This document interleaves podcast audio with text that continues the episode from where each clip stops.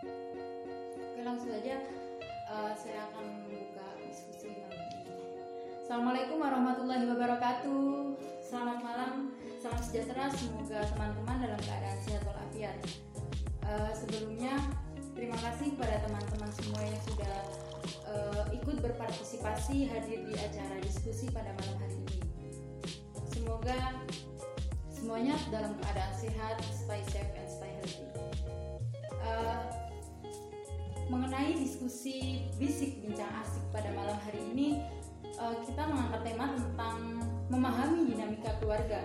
Sebagaimana di diskusi-diskusi yang telah berlalu sebelum ini, kita sering membahas tentang apa itu hukum, apa itu tentang hukum keluarga dan lain-lain mengenai yang berpacu pada hukum. Namun uh, pada kali ini kita akan membahas sisi lain yang lebih dalam mengenai apa itu keluarga. Mengingat kita sebagai mahasiswa hukum keluarga, kita harus mengetahui dan memperdalam apa itu keluarga. Uh, pasti kita semua tahu uh, apa itu keluarga, mengenai definisi dan lain sebagainya, struktur keluarga kita tahu. Namun uh, kita harus tahu bahwa bagaimana sih konflik-konflik, memahami konflik yang ada di keluarga, memahami uh, suatu sifat, memahami dalam keluarga antara keluarga satu dengan yang lain, dan juga kita agar kita mempunyai perspektif dalam melakukan kerja-kerja hukum keluarga, sebagaimana kita yang belajar di hukum keluarga mengenai perceraian, uh, hak asuh anak dan lain sebagainya yang mempunyai alat-alat untuk melakukan hukum, kita memahami tersebut, seharusnya kita harus juga memahami dan memperdalam untuk mempunyai perspektif uh, dalam kerja-kerja hukum keluarga. Uh, langsung saja kita sudah tahu bahwa pemateri kali ini bersama uh, saudari Nur. Beliau akan hadir di tengah diskusi kita kali ini. Silakan. ya. Selamat malam, Mbak. Selamat malam. Disapa dulu teman-teman di live IG HKI. Uh, baik, terima kasih teman-teman semuanya. Selamat malam, terima kasih atas kesempatannya buat malam ini udah diajak untuk bergabung diskusi bersama dengan teman-teman semuanya. Uh, mungkin tadi udah disebutin ya gitu sama Mbak Nadia gitu. Uh, siapa saya gitu, tapi saya juga akan memperkenalkan diri saya sendiri. Uh, perkenalkan nama saya Kofi. Uh, perlu disebutin apa lagi? udah mungkin instansi atau oh, gadis mana ini? Oh iya. Yang jelas Orang mana?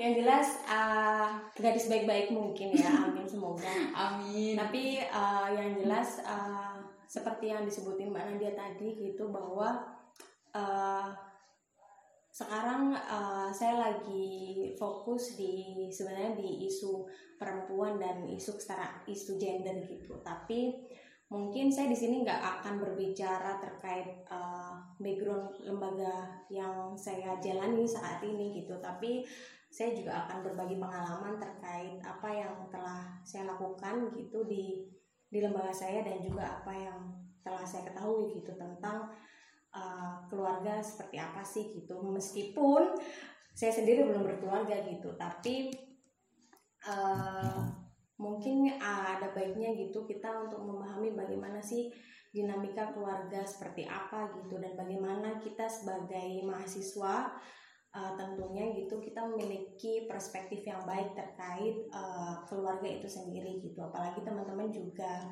mayoritas adalah teman-teman yang ada di ada di bidang apa hukum keluarga gitu. Gitu sih mbak. Oh ya baik uh, setelah pemaparan yang awal saya akan sedikit memberi aturan diskusi ya pada malam hari ini biar teman-teman nggak bingung. Uh, kita kan sistemnya live di sini diskusinya. Pastinya bukan kalian bukan hanya menyimak tapi nanti ada sesi tanya jawab dan juga ataupun kalian juga bisa mengutarakan pendapat atau uh, argumen-argumen kalian uh, sebelum yang pertama kita akan mendengarkan pemaparan dari pemantik kita nanti selanjutnya kita akan menyusul uh, membuka sesi tanya jawab. Uh, maka dari itu mungkin teman-teman silakan menyimak dan siapkan pertanyaan. Oke, silakan Mbak waktu dan tempatnya. Oke, mungkin uh, agak ini ya. Saya uh, saya akan sharing aja uh, nggak terlalu serius mungkin gitu. Tapi mungkin kemarin sempat uh, mana dia cerita gitu bagaimana sih sebenarnya uh, apa sih sebenarnya yang perlu kita ketahui gitu. Apalagi uh, menurut mbak Nadia teman-teman selama ini berkecimpung dalam bidang hukum keluarga gitu. Nah menurut saya pribadi gitu yang perlu ditekankan adalah bagaimana soal perspektif pandangan kita masing-masing terkait keluarga itu seperti apa gitu. Banyak orang yang bilang bahwa keluarga membangun keluarga sakinah mawadah warahmah atau keluarga bahagia atau apa ya? Maksudnya uh, sangat bermimpi untuk uh, bagaimana sebenarnya keluarga itu sebenarnya seperti apa gitu tapi kita nggak tahu tuh bagaimana cara untuk membangun keluarga itu sendiri gitu mak jadi uh, kalau pengalaman saya uh, apa sih sebenarnya kita sering-sering banget gitu sering banget me menyalahartikan keluarga gitu. Jadi kayak apa-apa oh demi keluarga apa-apa oh ini demi keluarga. Misalnya kita bekerja keras untuk keluarga itu oke okay, nggak apa-apa gitu. Tapi uh, kita perlu tahu tuh bagaimana sih membangun keluarga yang yang kita pikirkan, yang kita idam-idamkan, yang kita bayangkan sebelumnya gitu.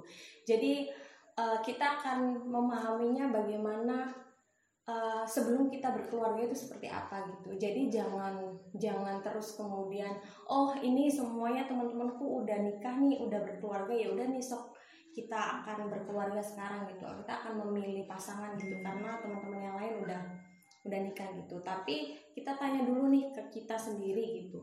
Kita mulai dari diri kita sendiri tanya apa sih sebenarnya keluarga menurut kita gitu. Apakah keluarga menurut kita itu adalah misalnya memang rumah untuk kembali ataupun apalah gitu. Karena kita masing-masing pasti punya punya pandangan tersendiri menurut keluarga gitu. Itu yang penting untuk kita cari tahu gitu. Apa sih sebenarnya keluarga menurut kita gitu jadi itu jadi dengan demikian kita bisa menentukan uh, sebenarnya keluarga yang kita inginkan atau kita bayangkan itu upayanya seperti apa gitu. Kayak teman-teman lah gitu. Kayak kita mau mau kuliah gitu ya. Mau saya mau kuliah di Universitas A gitu. Tapi kita nggak tahu caranya gitu kan sama aja bohong gitu. Nah, sama halnya dengan keluarga gitu. Kita pahami dulu tuh esensi keluarga menurut kita. Kemudian apa sih yang perlu diupayakan di dalam keluarga itu sendiri gitu.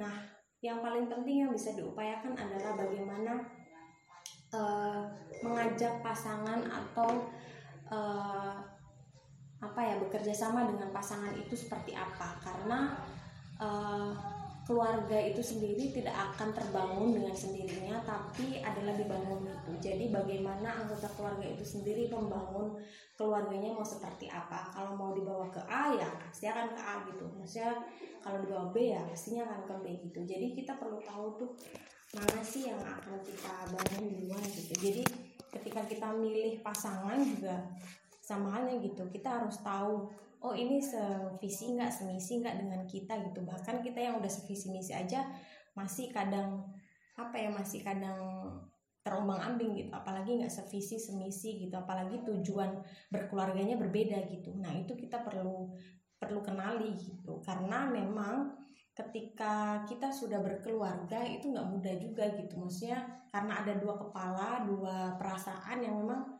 dijadikan jadi satu gitu. Yang itu nggak mungkin akan cocok nggak mungkin akan nggak mungkin akan sama gitu. Karena memang satu sama lain berbeda gitu. Nah itu yang perlu di dipahami bersama teman-teman uh, untuk bagaimana kita membangun keluarga itu sendiri. Karena uh, kalau misalnya itu tidak dibangun nggak di nggak diupayakan bersama oleh anggota keluarga itu baik itu pasangan suami istri ataupun anak gitu. Kalau misalnya yang udah yang punya anak gitu itu nggak akan menjadi keluarga yang seperti teman-teman inginkan gitu. Jadi bangunannya nggak akan sekokoh itu gitu. Bagaimana terus kemudian di dalam keluarga itu juga akan banyak hal yang meng, apa ya yang bisa menggoncang ya. Maksudnya kayak karena uh, banyak uh, sepengalaman saya saya uh, udah mendampingi mendampingi keluarga. Maksudnya nggak mendampingi keluarga tapi uh, di lembaga saya uh, sudah saya sudah tiga tahun untuk mendampingi komunitas gitu. Nah komunitasnya memang ada bapak ibu gitu yang suami istri kemudian remaja gitu. Nah kami memang concern ke bagaimana sih upaya uh, upaya untuk apa ya kalau misalnya ketanggung keluarga pasti kontroversial gitu. Hmm. tapi bagaimana sih upaya untuk membangun keluarga yang diidamkan gitu? Diidamkan oleh setiap individu itu masing-masing gitu tanpa karena uh, untuk mengurangi kekerasan dalam rumah tangga itu sendiri gitu. Karena ya tadi yang seperti saya bilang bahwa kalau misalnya tidak dibangun dengan atas dasar yang sama konfliknya pasti akan semakin besar gitu. Dan kalau misalnya konflik itu tidak bisa diatasi dengan baik uh, persoalannya akan timbul macam-macam. Misalnya perceraian KDRT dan lain sebagainya penelantaran anak penelantaran keluarga itu pasti banyak gitu. Dan teman-teman pasti juga udah memahami itu gitu. Nah proses uh, itu semua itu nggak akan terlepas bagaimana upaya itu tadi saling saling saling mengisi satu sama lain saling bekerja sama satu sama lain di dalam keluarga itu untuk mewujudkan uh, keluarga yang yang kalau misalnya tentang hukum ya soal ini ya kita akan bagaimana sih mengupayakan keadilan dalam keluarga itu sendiri gitu. Jadi itulah yang mungkin uh, perlu di teman-teman teman-teman apa perhatikan gitu. Dan saya juga apa uh, mengajak gitu teman-teman untuk kan teman-teman juga kan banyak yang uh, punya privilege atau punya keistimewaan untuk mengakses sebenarnya keluarga ini seperti apa hukumnya seperti apa. Nah jangan sampai karena pengalaman saya ketika mendampingi teman-teman yang ada di Gunung Kidul sama Kulon Progo dinamika keluarganya sangat bermacam-macam gitu. Bahkan sampai KDRT sampai yang tadi saya sebutkan gitu. Jadi sangat kompleks anak sampai eh, bahkan pemerkosaan dan lain sebagainya itu sangat tinggi gitu. Dan kita temui dan jangan sampai kita sebagai sebagai calon-calon penegak hukum ya gitu. Maksudnya uh, kita terus oh ini yang yang ini nih yang di yang diperkosa atau ini nih yang di yang selingkuh ini nih yang ini. Nah uh, penting gitu untuk uh, kita sendiri mengetahui tadi bagaimana sih sebenarnya proses uh, memahami satu keluarga dalam dalam ruang yang berada dalam konflik itu sendiri gitu. Jadi biar apa ya kita terhindar dari banyaknya bias-bias yang ada di di hukum keluarga itu sendiri gitu. Karena memang tidak bisa dipungkiri gitu ketika uh, ada kejadian A misalnya ada KDRT gitu nah kita ya udah uh, sekarang pelakunya adalah istri uh, bacok suaminya gitu. Udah yang salah adalah yang enggak itu kan udah tindakan kriminal ya gitu. Tapi kalau misalnya misalnya diceraikan gitu. Diceraikan oh ya yang ngalah istrinya. Nah nanti yang salah ini ya istrinya gitu. Tapi tanpa kita melihat dulu bagaimana sih akar persoalan di dalam keluarga ini sebenarnya gitu. Itu akan memberikan kita banyak perspektif banyak banyak apa ya cara pandang gitu. Jadi kita nggak melihatnya satu sisi aja gitu. Karena tadi banyak sisi-sisi yang lain di dalam keluarga itu yang perlu kita pahami perlu kita perlu kita apa ya jelaskan gitu untuk memberikan keadilan baik itu meskipun udah uh, dalam hukum misalnya. Maksudnya kalau misalnya mereka udah mengakses hukum ya kita akan memberikan uh, hukum yang seadil-adilnya gitu buat buat apa keluarga-keluarga yang mengalami persoalan. Tapi ketika itu dialami oleh kita kita balik lagi tuh bagaimana kita bisa memahami dalam keluarga sebenarnya apa sih kayak kita mau cerai nih gitu. Kita balik lagi tuh kompromi dengan pasangan kita sebenarnya apa sih tujuan kita dulu menikah itu seperti apa gitu. Apa sih dalam tujuan itu tahap-tahap yang tidak kita lalui ataupun kita lakukan gitu. Sehingga proses-proses itu yang perlu dipahami kedua pasangan ini ataupun di dalam keluarga itu baik anak ataupun suami istri itu gitu.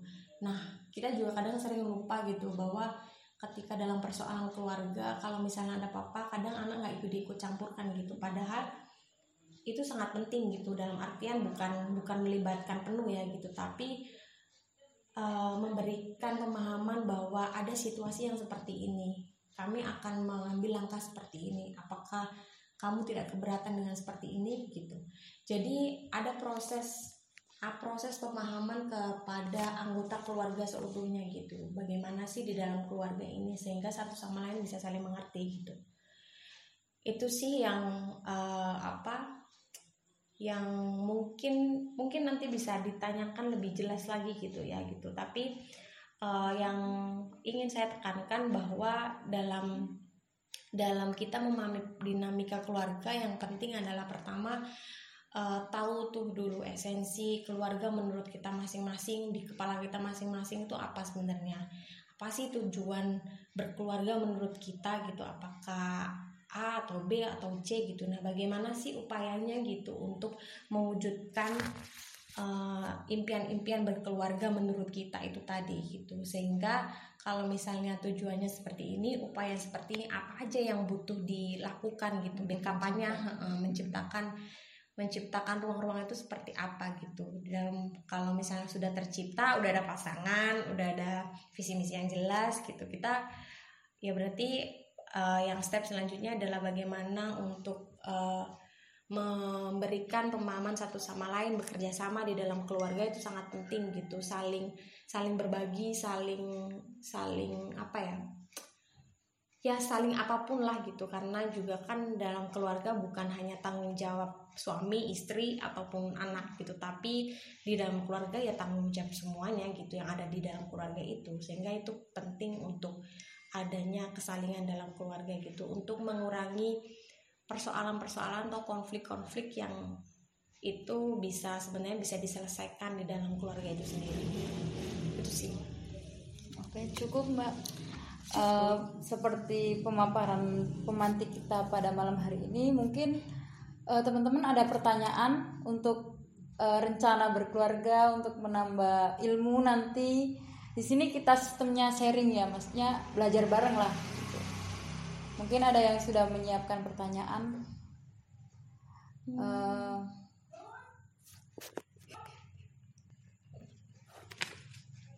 bukan persoalan yang tunggal gitu yang yang saya maksudkan gitu tapi uh, dia adalah berangkai gitu jadi persoalan yang muncul itu bukan hanya karena satu sebab aja tapi berbagai hal yang sudah mereka alami yang mereka sudah melalui proses itu bersama gitu. Sehingga kayak misalnya persoalannya perceraian nih tapi kan uh, pengaduannya banyak. Pengaduannya apa karena ya selingkuh atau karena apa atau karena apa gitu. Itu kan yang terlaporkan gitu. Tapi uh, dalam dalam proses mereka me, um, melakukan apa ya memutuskan untuk untuk sampai menggugat cerai itu bukan proses yang yang mudah gitu. Tapi karena ada rentetan persoalan yang memang yang memang itu sudah dilalui. Nah uh, misalnya tadi kenapa saya menekankan bahwa kita penting untuk kita memahami satu persoalan di dalam keluarga itu sendiri gitu. Karena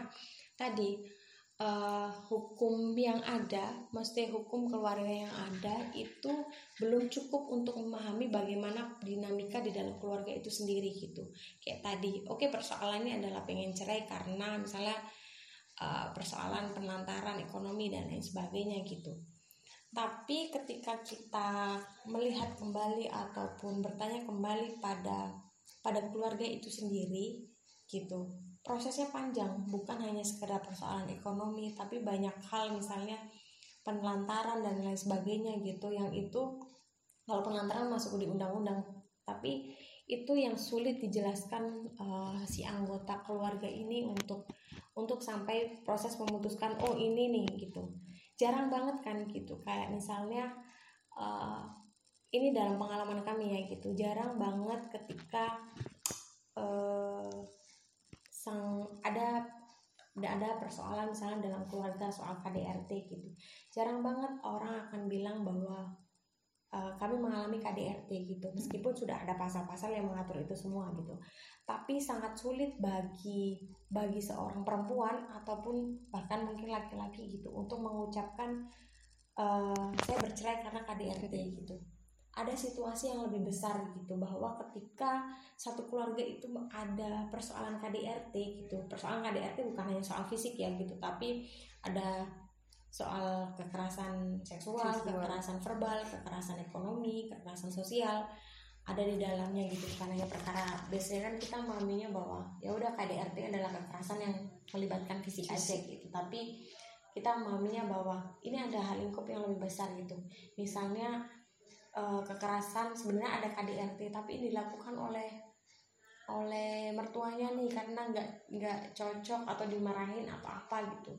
Tapi itu kan sulit dijelaskan gitu dalam suatu proses keputusan untuk untuk uh, untuk berjalan ya, tadi gitu. Nah itulah yang kemudian kita sebagai uh, apalagi teman-teman lah ya gitu yang punya akses punya punya privilege untuk mengakses itu semua gitu untuk mengakses uh, dan memahami sebenarnya bagaimana sih hukum-hukum keluarga itu diberlakukan gitu dan bagaimana sih sebenarnya keluarga-keluarga yang ada gitu gitu dalam dalam mungkin di dalam keluarga kita sendiri atau di di lingkungan kita ya gitu. Karena itu sangat penting untuk bagaimana teman-teman punya pandangan yang pandangan yang menyeluruh terkait keluarga itu sendiri itu sih. Uh, untuk siapa yang mau bertanya? Oh ya Mas Rozak silakan tuh bertanya. Punya ketua MJ iya silakan aja. Silakan aja untuk bertanya.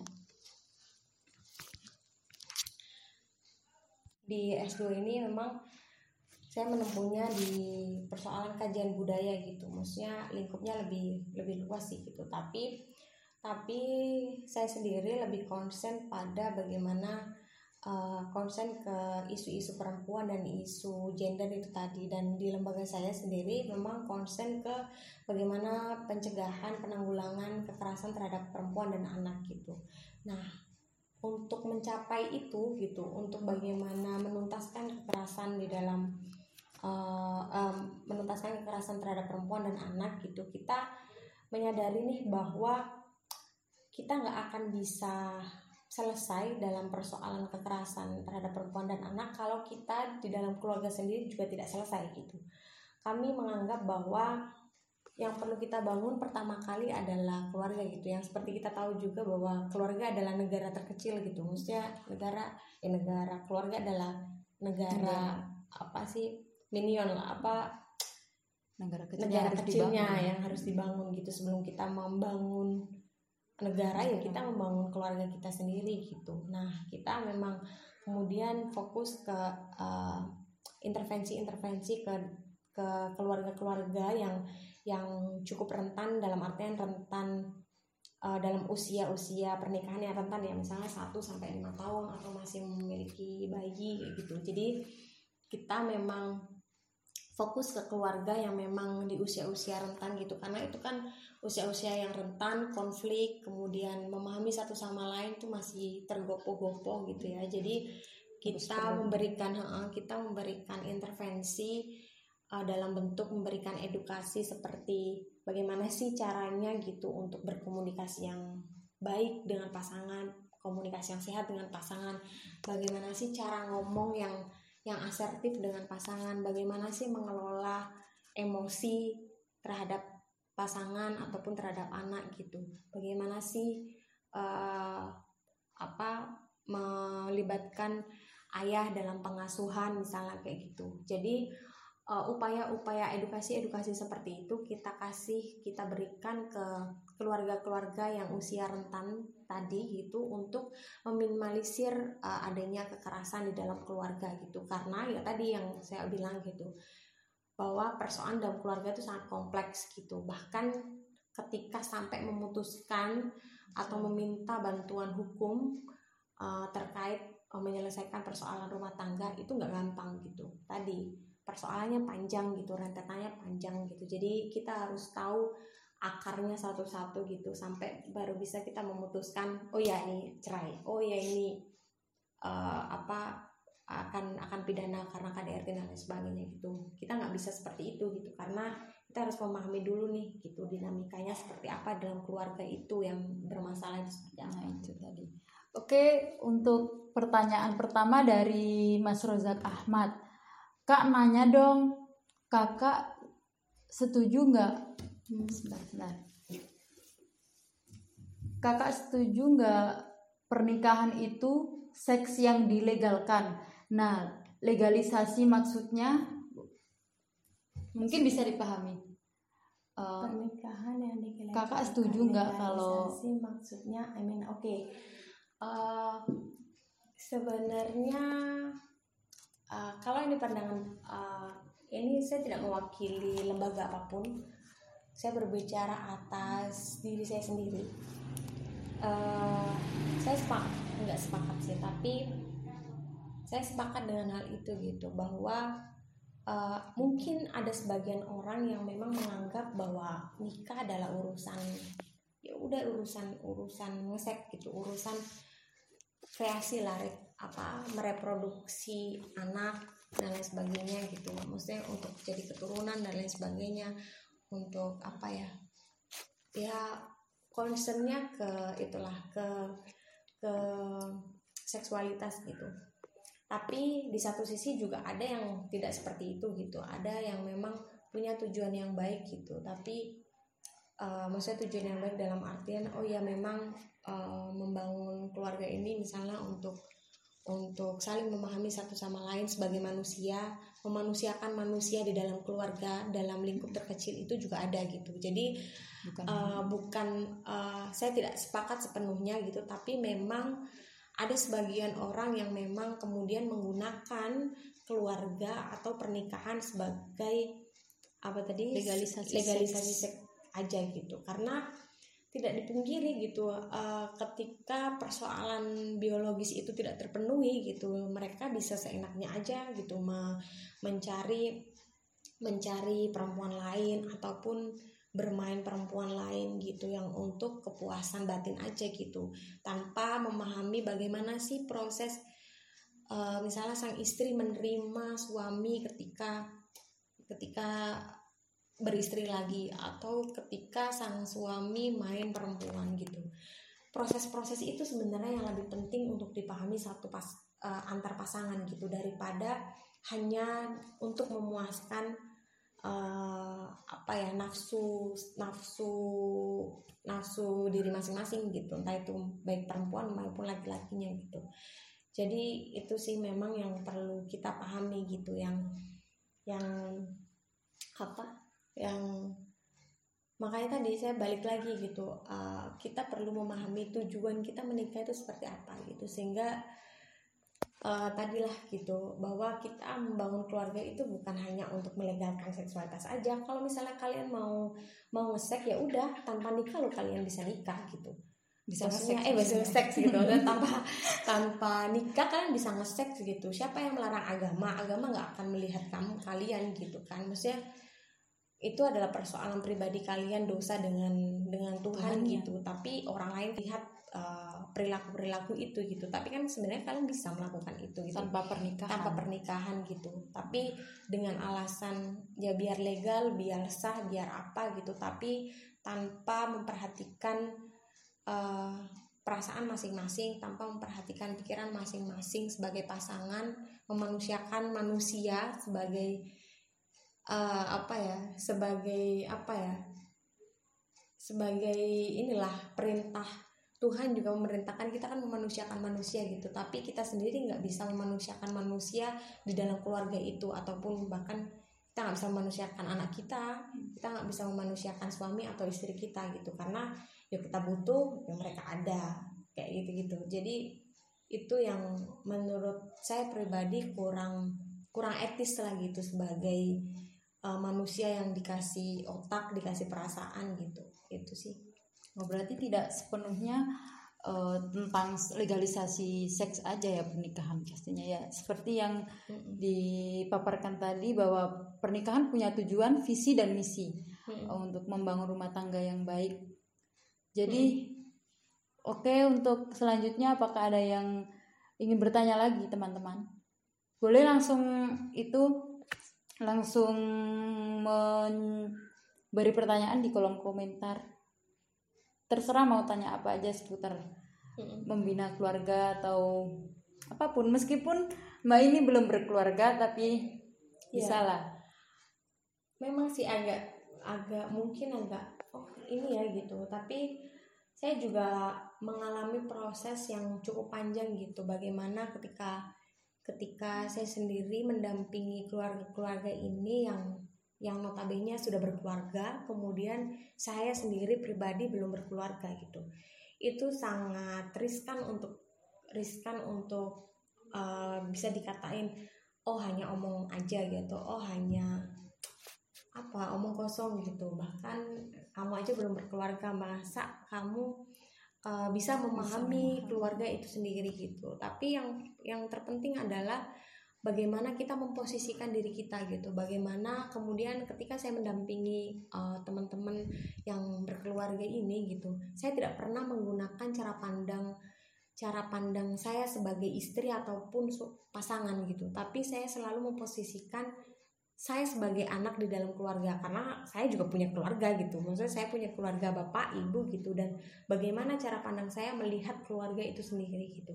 Nah itu yang penting gitu. Jadi kita sebagai apa sebagai eh, ini ya eh, orang yang memiliki akses lebih lah maksudnya dalam artian teman-teman memiliki apa akses untuk berpendidikan dan lain sebagainya bisa memilah dan memilih bagaimana kita bisa menempatkan diri masing-masing gitu dalam situasi itu gitu. Ketika mendampingi dalam proses hukum ataupun proses psikologis kita nggak pernah untuk eh, nggak eh, kita mencoba untuk tidak nggak menghakimi gitu nggak menghakimi oh tadi yang saya bilang bagaimana ketika ada satu proses oh ternyata ada perceraian nih ini persoalannya suami nih yang salah gitu. Oh kamu yang salah nih gitu.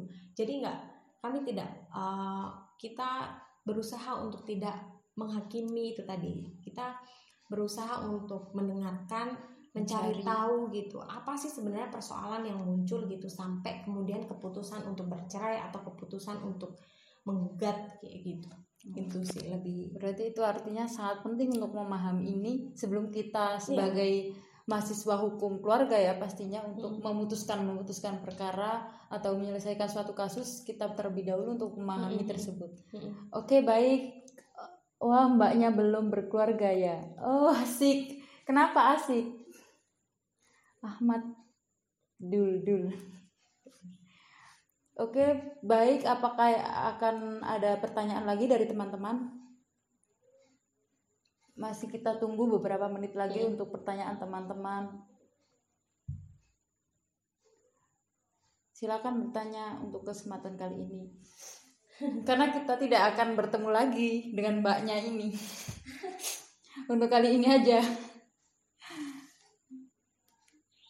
iya boleh ditanyakan apa pun apa pun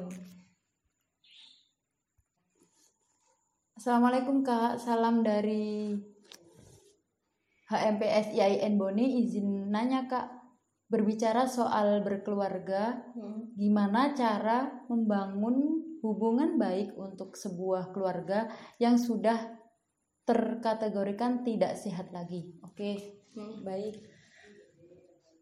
Sal Salwa Oke, Oke. bagaimana Mbak untuk menanggapi Terima kasih tersebut? Salwa atas pertanyaannya. Memang sangat bagus sih. Apa sangat baik pertanyaannya, bagus gitu.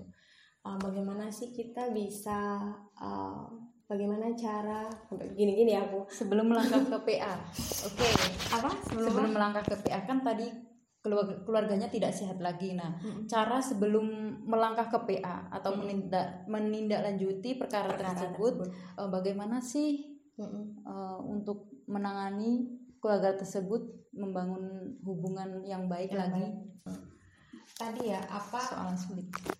memang yang seperti yang tadi sudah saya jelaskan di awal gitu persoalan sampai ke perkara itu adalah persoalan yang sangat rumit ketika maksudnya sangat rumit dibanding perkara uh, dibanding hukum pidana daripada kita mengadili seorang karena kriminal gitu hukum perdata itu sangat kompleks gitu. Jadi sepengalaman kami gitu uh, bahkan ketika tadi ya yang hubungan yang cukup tidak sehat gitu ya cukup sehat ataupun lebih biasa dibilang uh, teman-teman hubungan yang sangat toksik gitu di dalam di dalam keluarga gitu. Entah itu satu satunya abuse maksudnya satunya apa ya abuse itu kayak uh, melakukan tindakan-tindakan yang tidak enak gitu-gitu. Tapi tetap dipertahankan karena karena satu sisi ini keluarga yang butuh dipertahankan.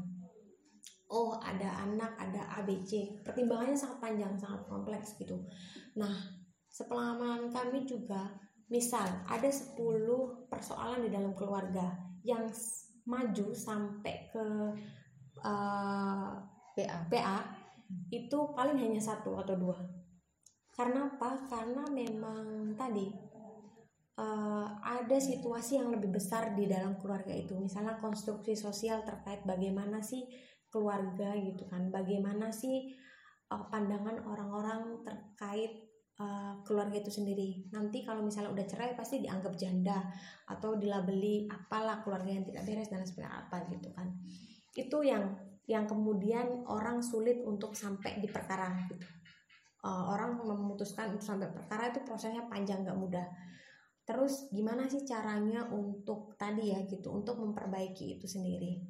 Pertama, kalau misalnya hubungannya memang toksik dalam artian memang sudah dalam indikasi kekerasan, kekerasan tadi ya yang fisik. saya bilang entah itu fisik, verbal ataupun ekonomi ataupun sosial gitu, tapi memang yang lebih banyak adalah kekerasan kekerasan vis verbal yang lebih banyak dan itu tidak terlihat tapi efeknya sangat panjang. Kemudian fisik itu. Kalau misalnya udah ada indikasi seperti itu itu akan sebenarnya akan mudah untuk diproses ke PA gitu. Tapi tadi proses untuk memahamkan satu sama lain membangun komunikasi satu sama lain itu adalah bagaimana satu sama lain itu percaya. Percaya dan tidak gampang untuk oh nanti pasangan saya akan berubah. Oh dia pasti uh, akan bisa di diajak ngobrol gitu tanpa satu sama lain berusaha gitu.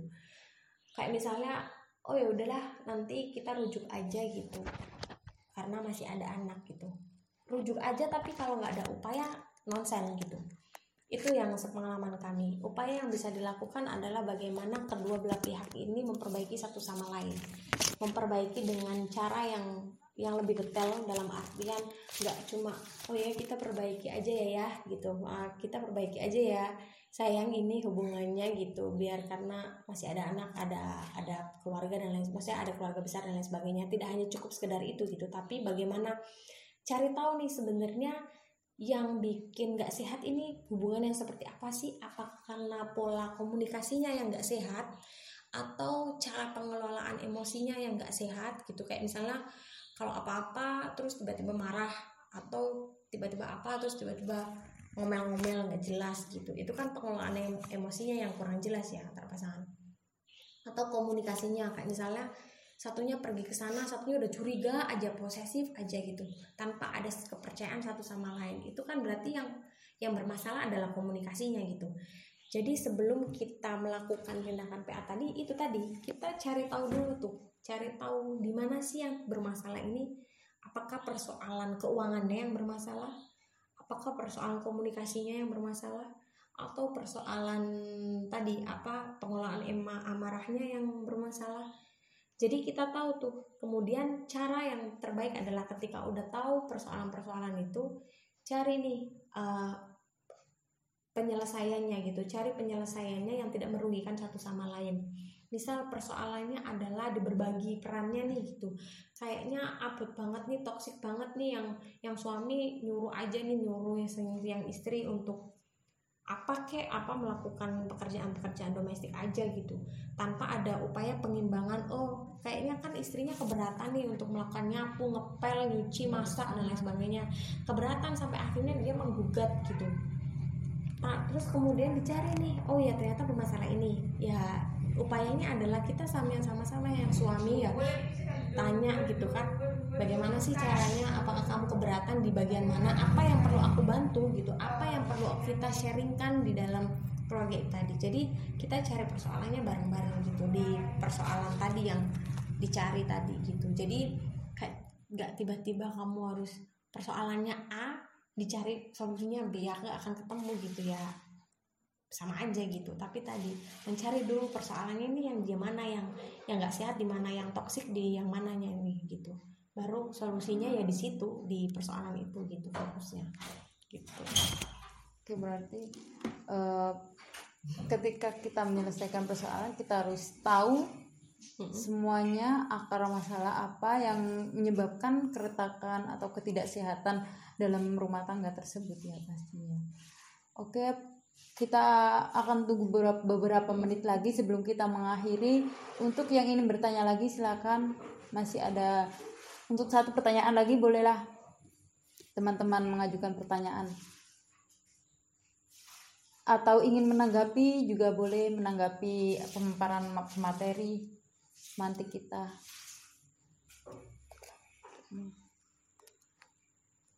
Mengingat waktu. Yes, ini apa terlalu serius teman-teman? Apa terlalu berat gitu ya karena teman-teman keluarga gitu ya jadinya kayak hmm gitu. Ya pastinya kita harus tahu lah untuk mempersiapkan sebelum kita berkeluarga ya, ya kita ilmu ini bermanfaat sih ya, ya pasti semua ilmu bermanfaat. Saya kira tadi yang perlu yang penting gitu yang untuk kita pertama kita belum keluarga. Ini cara terbaik untuk bagaimana kita memahami keluarga sebelum kita melakukan uh, memutuskan untuk berkeluarga pertama. Kedua adalah uh, teman-teman mungkin yang di sini hadir gitu ya yang yang join di di live IG ini mungkin sebagian besar adalah teman-teman dari uh, dari latar belakang yang da, latar belakang hukum hukum keluarga gitu yang punya apa ya yang yang secara nggak langsung teman-teman punya privilege atau punya keistimewaan untuk mengakses itu. Atau bahkan mungkin bisa jadi teman-teman nanti bisa jadi lawyer gitu kan yang mendampingi keluarga-keluarga yang membutuhkan tenaga teman-teman gitu. Nah ini jangan sampai kita sebagai lawyer juga kita nggak memiliki apa ya cara pandang yang utuh dalam melihat persoalan keluarga itu sendiri gitu. Itu sih yang lebih penting gitu. Jadi memang uh, mungkin agak kayaknya kayaknya berat gitu ya. Tapi uh, saya sendiri merasa apa ya merasa asik merasa cukup hmm, kayak cukup senang gitu dalam isu-isu keluarga ini gitu uh, terlebih gitu karena yaitu saya sendiri belum berkeluarga jadi ada baiknya saya belajar terlebih dahulu sebelum saya menentukan uh, mau berkeluarga seperti apa gitu. Jadi itulah modal modal saya gitu karena nggak ada loh sekolah untuk orang tua gitu nggak ada sekolah untuk keluarga gitu. Bahkan kami sekarang lagi mengupayakan benar-benar mengupayakan bagaimana sih ada pendidikan pranikah gitu. Karena kan banyak tuh yang nikah nikah muda kemudian akhirnya bercerai gitu yang tanpa dipikir panjang tanpa pikir matang gitu. Nanti kalau misalnya oh dipikir-pikir nanti lama dong nikahnya gitu. Ya nggak masalah nikah bukan perlombaan kok gitu. Maksudnya nikah bukan ajang untuk berlomba satu sama lain tapi bagaimana kita menentukan hidup kita masing-masing itu saya kira cukup itu cukup bijak bagaimana kita untuk menyikapi dan memutuskan untuk menikah kapan gitu. Meskipun kayak saya secara finansial udah mapan nih saya fisik udah mapan nih yakin gitu kan. Yakinkan lagi gitu. Bener nggak ding? Gitu kan. Maksudnya yakin nggak kalian memutuskan keluarga itu sejauh mana kalian siap gitu. Benar-benar dipastikan gitu. Jangan sampai ketika kita nikah malah menyakiti satu sama lain gitu kan gitu ya pasti akan ada sih menyakiti gitu kan. Nggak mungkin nggak sebagai manusia tapi bagaimana kita mengurangi lah menyakiti uh, satu sama lain apalagi calon calon pendamping hidup gitu ya gitu. Gitu sih teman-teman. Kayak sok-sokan gitu ya gitu. Uh, sebelum closing mungkin ada pesan-pesan yang lebih itu untuk mahasiswa HKI siapa? Mbaknya. Oh aku pesannya apa sih? Terus pesannya terus semangat dan terus belajar apa pun itu gitu ya. Maksudnya meskipun tidak di di bidang di latar belakang keilmuan terus belajar apa pun itu. Terus kemudian tahu posisi masing-masing gitu dalam artian tahu posisi uh, kita bisa menempatkan di mana kita berbicara ataupun apa ya melakukan suatu pembelaan gitu kayak misalnya tadi saya anak hukum nih saya harus membela ini gitu. Teman-teman harus tahu dulu gitu apakah memang benar teman-teman bisa menyuarakan itu semua atau enggak. Kan kita nggak tahu gitu jadi tahu posisi kita di mana. Ini masih gitu. ada pertanyaan lagi kak oh, satu ada lagi. Boleh? Boleh. Oh ya izin tanya dong kak. E, menikah itu kan bentar. Bentar ya teman-teman e, izin tanya kak menikah itu kan bukan hanya menyatukan dua insan saja tetapi menyatukan dua keluarga besar. Ketidakcocokan antara menantu dan mertua sering terjadi dalam sebuah pernikahan. Apalagi kalau tempat tinggal satu atap menurut kakak persiapan menikah antara mental dan materi lebih utama yang mana antara mental dan materi kan? Oh ya kalau misalnya dalam ini ya dalam apa kayak misalnya ikut mertua gitu. Saya kira dua-duanya penting gitu penting untuk dia siapkan gitu ya. Jadi nggak ada yang lebih nggak ada yang lebih lebih Diutamakan. lebih diutamakan. atau ditinggalkan gitu enggak gitu. Dua-duanya perlu diupayakan gitu. Karena uh, tantangannya akan lebih berat. Secara psikis tantangannya akan lebih berat gitu. Sepengalaman dan uh, maksudnya sepengalaman saya mendampingi gitu. Banyak konflik dalam rumah tangga ini dipicu oleh mertua. Banyak banget. Ketika duanya satu pasangan ini udah sevisi udah se ah udahlah gitu masih bisa berkompromi satu sama lain bisa saling berbagi bisa saling komunikasi. Tapi di mertua uh, tidak bisa gitu apalagi dengan jarak yang cukup cukup cukup jauh ya. Misalnya mertua umurnya udah sekian kitanya masih muda gitu ya. Jadi kayak itu akan cukup jauh bagaimana kita pola komunikasi dengan mereka gitu. Jadi memang dua-duanya perlu diutamakan secara ekonomi. Kalau bisa memang uh, gimana caranya bagaimana teman-teman ataupun saya sendiri juga mempersiapkan untuk gimana sih caranya untuk kita membangun keluarga itu sendiri berdua gitu. Maksudnya uh, bukan tidak menerima mertua ya atau atau tidak menerima orang tua gitu. Tapi kalau misalnya memang terpaksa untuk hidup di mertua ataupun di orang tua bagaimana kita bisa memastikan bahwa mereka tidak ikut campur di dalam urusan keluarga kita gitu. Itu yang pertama harus dipastikan. Kalau misalnya memang dirasa tidak bisa diupayakan seperti itu berarti upaya kita adalah harus extraordinary untuk mencari naf eh mencari apa ya sumber ekonomi yang cukup gitu dan memisahkan diri dari mereka. Bukan memisahkan ini ya tapi bagaimana dengan cara memisahkan diri kita dengan keluarga besar itu adalah cara terbaik bagaimana kita membangun keluarga yang kita inginkan gitu.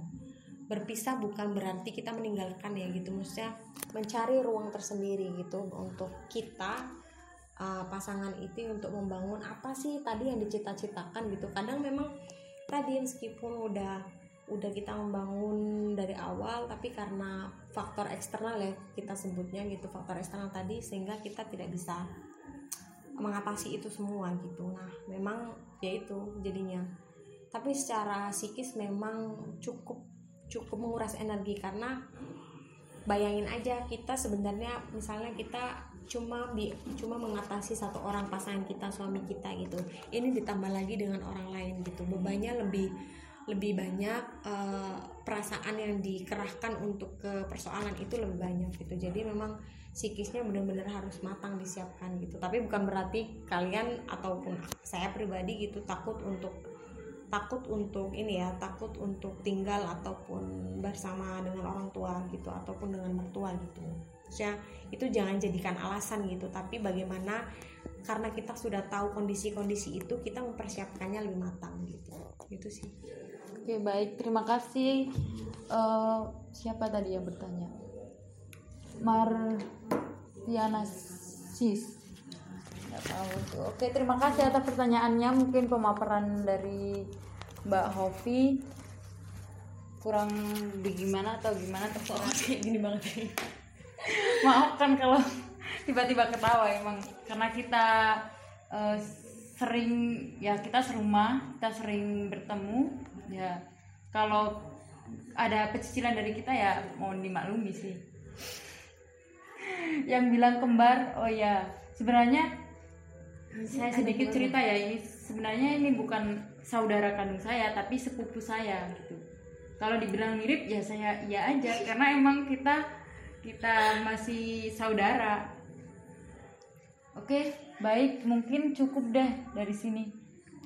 Cukup ya teman-teman. Kita akhiri diskusi bisik pada malam hari ini. Untuk teman-teman yang baru bergabung bisa kalian nanti hasil dari diskusi bisik kita pada malam hari ini akan uh, dimasukkan ke Spotify 5 oke? okay? Baik bisa menyimak di situ untuk yang baru bergabung. Oke teman-teman terima kasih atas partisipasinya. Uh, jangan lupa ya bahwa uh, materi berkeluarga ini sangat penting bagi kita apalagi kita juga uh, mahasiswa hukum keluarga pastinya. Untuk mengatasi perkara-perkara hukum kita harus mengetahui memahami karena seperti yang dikatakan pemateri tadi bahwa persoalan-persoalan yang ada di rumah tangga itu sangat kompleks sekali di, di dalam suatu keluarga itu sangat kompleks maka cara untuk mengatasi agar konflik-konflik tersebut tidak terjadi dan bisa kita atasi sepertinya tadi udah dijelaskan oleh pemateri bahwa kita harus melibatkan anak dan lain sebagainya seperti cara-cara agar bagaimana sevisi misi dan lain-lain hmm. pastinya kita itu penting untuk semua karena setiap manusia pasti punya tujuan menikah entah itu sekarang nanti atau besok atau kapan itu pasti punyalah pikiran untuk tujuan menikah itu setiap setiap manusia sih uh, oke okay, terima kasih teman-teman yang sudah bergabung yang berpartisipasi di acara malam hari ini saya juga perwakilan dari pengurus HMJ HKI sangat berterima kasih kepada teman-teman untuk untuk mensukseskan acara pada malam hari ini. Oke, okay.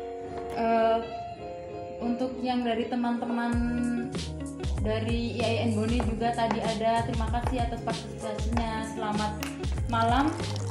Uh, semoga bermanfaat, barokah untuk kita semua. Uh, pastinya tetap semangat dan juga tetap stay stay safe and stay healthy. Oke, terima kasih.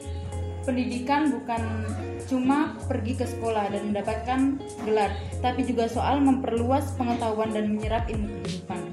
Uh, Sakuntala Devi. Oke, terima kasih.